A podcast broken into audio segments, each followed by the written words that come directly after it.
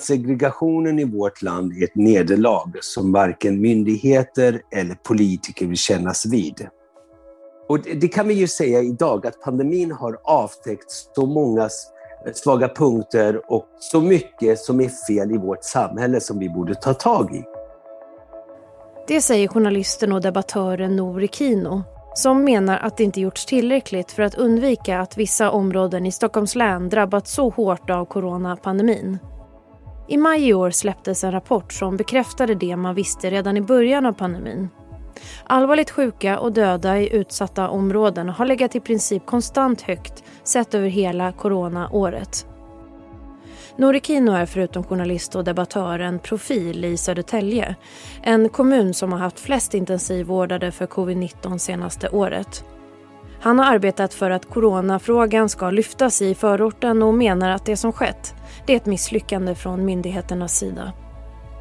I det här avsnittet ska vi prata om varför Norikino tror att vissa områden drabbats så hårt och vi ska också höra Södertäljes kommunalråd Boel Godner om hur den här dystra utvecklingen bara fortsatt.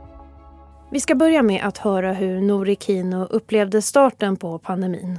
Så vaknade jag en natt kallsvettig och det bara slog mig som, som, som, alltså som en hammare att vad gör vi åt kluster, det som kan bli kluster i Sverige? Vad gör vi i, i invandrartäta områden där de flesta är utrikesfödda eller barn till utrikesfödda? Så jag gjorde så här att jag eh, tömde en vit vägg och fyllde den med post-it-lappar. Vilka är människorna som bor i de här områdena? Hur bor de? Hur jobbar de? Hur tar de sig till jobbet? Alltså, eh, vilka färdmedel använder de? Och kan de jobba hemifrån? Hur många hur procentuellt kan göra det? Eh, vilka yrken de har helt enkelt. Och vad kan man göra åt det?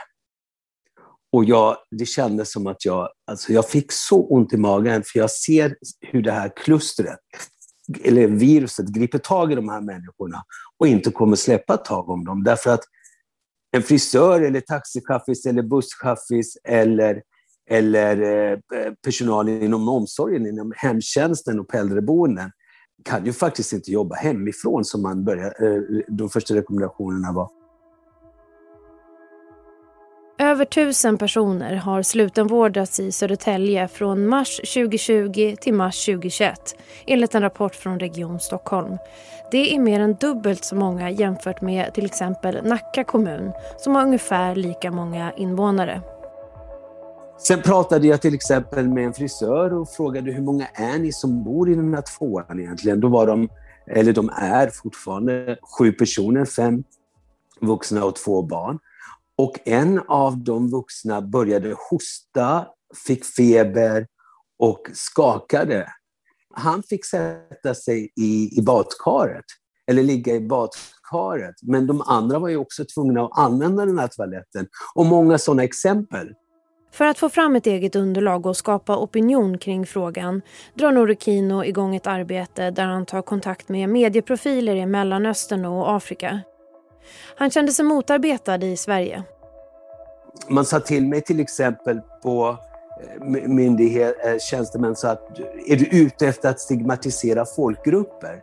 Nej, jag är ute efter att försöka rädda liv. Lägg av nu, vi har inte tid med er patetiska segregationspolitik som aldrig har funkat i alla fall. Utan det här är på allvar. Förutom Södertälje så är Järvaområdet i norra Stockholm hårt drabbat. Så här sa Järva-profilen Ahmed Abdirahman om den stora smittspridningen där. Bor man trångt redan, eh, antingen med flera personer eller flera generationer på varandra, eh, har man en kultur som, där man eh, är mycket mer social, där man hälsar på varandra, där man går och hälsar på de sjuka för att visa respekt och stöd och kärlek, då kan de faktorerna påverka naturligtvis. Eh, och sen har du ju språkbristen eh, och där många kanske inte kan ta till sig vad myndigheterna säger, kanske inte ta del av alla pressträff som händer. Och både han och Nouri Kino lyfter segregation och information. Dels har informationen varit sen men också i kanaler som gjort att den inte nått fram. Men hur är det då med det egna ansvaret? Folkhälsomyndigheten har ju så många gånger vädjat till vår goda vilja att ta rätt beslut. Runt årsskiftet reagerade en polis här i SVT när stora fester med hundratals gäster ordnats i Södertälje. När vi kommer till en av eh, de här festlokalerna i Södertälje så ser vi från långt håll att det, det är ju väldigt mycket folk inne i lokalen. Det ser vi redan utifrån att eh, man, man, är, man har ju egentligen en full dans där inne. Där det är minst ett 50-tal som står i en ring och eh, håller varandra och dansar. I det här fallet ska sägas att det inte var mot lagen, men både polis och kommun var starkt kritiska till festerna. De räknades som privata sammankomster i lokaler som inte inkluderas i pandemilagen eller trängsellagen. Så hur ska man se på det personliga ansvaret här? Vi ska höra Norikino igen. Ja, men jag kritiserar även begravningarna och eh, vad heter det, bröllopen. Jag var på den ena begravningen som det har skrivits om. Därför att det var en mycket god vän och vi var, eh, vad heter det, vi var ute. Vi var inte inne i någon kyrka utan vi var på kyrkogården. Dock var vi för många och det är läskigt. Där kan jag säga att även jag brast i, i mitt kanske ansvar just den dagen. Men det är så svårt att förhålla sig till en så nära väns begravning att inte kunna gå på den även när det var utomhus. Och där kan jag också säga att samtidigt så åkte ju folk till Åre och bussarna var fulla med människor. Så visst, jag håller helt med om kritiken mot, mot eh, eh, festlokaler och mot eh, stora tillställningar. Men parallellt med det så var det ju så att Sverige var öppet. Bussarna var fulla utan munskydd, man kunde åka till Åre. Så att någonstans så är ju även den, det, det utpekandet faktiskt inte rättvist. Sen är det en annan sak med det här som ingen har tänkt på, de här festlokalerna. Hälften av bröllopen som hålls i de här festlokalerna hålls ju inte är det ju inte Södertäljebor, utan de kommer från hela Sverige för att de är så speciella de här festlokalerna. I listan över slutenvårdade med covid-19 är Södertäljestadsdelarna Geneta, Linahage och Hovsjö bland de fem allra mest drabbade i Stockholms län. Vi ska höra Boel Godner, socialdemokratisk kommunalråd i Södertälje sedan tio år. Hon har länge varit aktiv i frågor angående segregationen i kommunen. Nej, men det är förskräckligt och vi, vi eh, såg ju detta väldigt, väldigt snabbt när pandemin började och Eh, var väldigt eh, snabba också med eh, information på de stora språken i Södertälje till exempel. Och vi tog hjälp av de stora kyrkorna som finns i Södertälje som samlar väldigt många och även eh, talande tv-kanaler och spred information också på arabiska. Och det här gjorde, och vi delade ut information och det gjorde ju staten också förstås, för det är också deras ansvar, Eh, på många olika språk i eh, våra bostadsområden och försökte på alla sätt nå ut med information om eh, Folkhälsomyndighetens rekommendationer som var ju jätteviktiga att följa. Men vi har under långa perioder haft en väldigt hög smittspridning ute i samhället i Södertälje. Inte så mycket i våra egna verksamheter, utan den stora spridningen har hela tiden varit ute i samhället i vår kommun. Eh, men vi, vi kan ju se att vi har, vi har ju våra segregerade miljö i Södertälje där eh, människor, eh, ja, många har jobb som man måste gå till. Många kan inte ta egen bil utan behöver åka bussen till jobbet. En del bor trångt, en del bor otryggt överhuvudtaget och vistas därmed ja, ute tillsammans med andra människor kanske. Och, och det, är, det är problematisk, problematiskt med segregationen som vi hanterar. Men det visar ju den här rapporten då som har kommit, precis som du sa, att ni visste om det redan i början och utvecklingen fortsatte. Hur kommer det sig?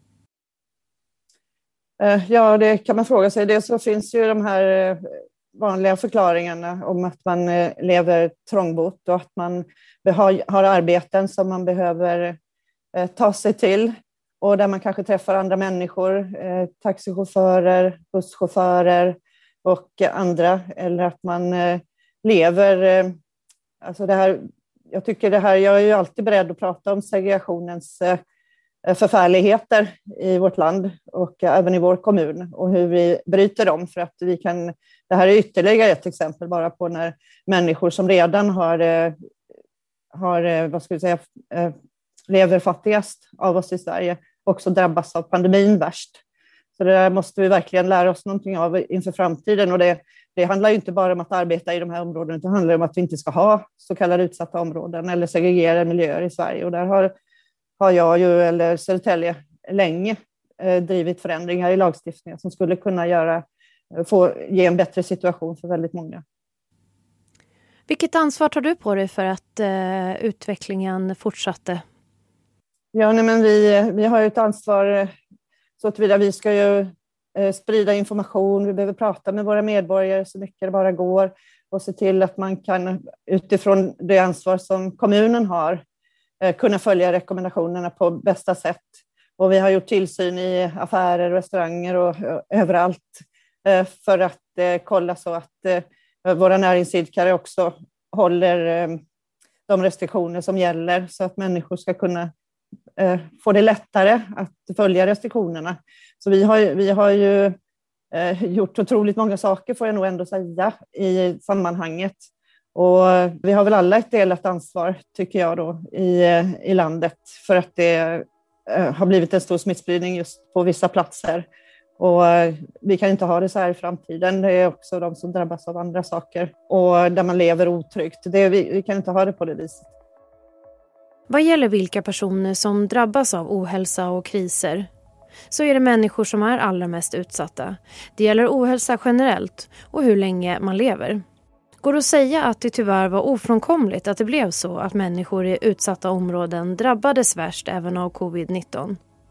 Vi ska höra journalisten och debattören Nori Kino igen. Mycket bra fråga.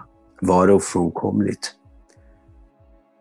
Ja, självklart var det ofrånkomligt eftersom vi har ju de, alltså de, de som bor i de här utsatta områdena som sagt inte kan jobba hemifrån och är trångbodda och många gånger har sin mamma eller morfar eller farmor boende hos sig. Eh, och socialiserar på ett annat sätt. Och än en gång, myndigheterna misslyckades ju något, något ofattbart på eh, att stoppa det här. Jag minns ju de här stora begravningarna som var, eh, jag tror att det var i mars 2000, alltså i fjol, 2020, där man ännu inte hade stängt kyrkor och moskéer. Jag ringde runt till dem och sa stäng. Och de sa myndigheterna säger att vi inte ska stänga för vi får inte sprida panik. Så att det har varit...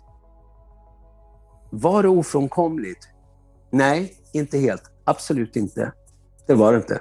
Till viss del, ja. Därför att det går ju inte det går ju inte att hitta boenden åt alla på en gång och det går ju inte att stoppa Sverige när man har en strategi om att hålla öppet genom att eh, be busschaufförer och taxichaufförer eller tunnelbaneförare att hålla sig hemma. Och en stor del av dem är ju från de här områdena. Och likadant med frisörer, servitörer eller omsorgspersonal eller sjukhuspersonal. Så att var det ofrånkomligt? Till viss del, ja. Men till stor del, nej. Sist här hörde vi journalisten och debattören Nori Kino och innan dess hörde ni Södertäljes kommunalråd socialdemokraten Boel Godner. Du har lyssnat på Aftonbladet Daily och jag heter Amanda Hemberg Lind. Glöm inte att prenumerera så missar du inga nya avsnitt. Tack för att du har lyssnat. Hej då. Du har lyssnat på en podcast från Aftonbladet. Ansvarig utgivare är Lena K Samuelsson.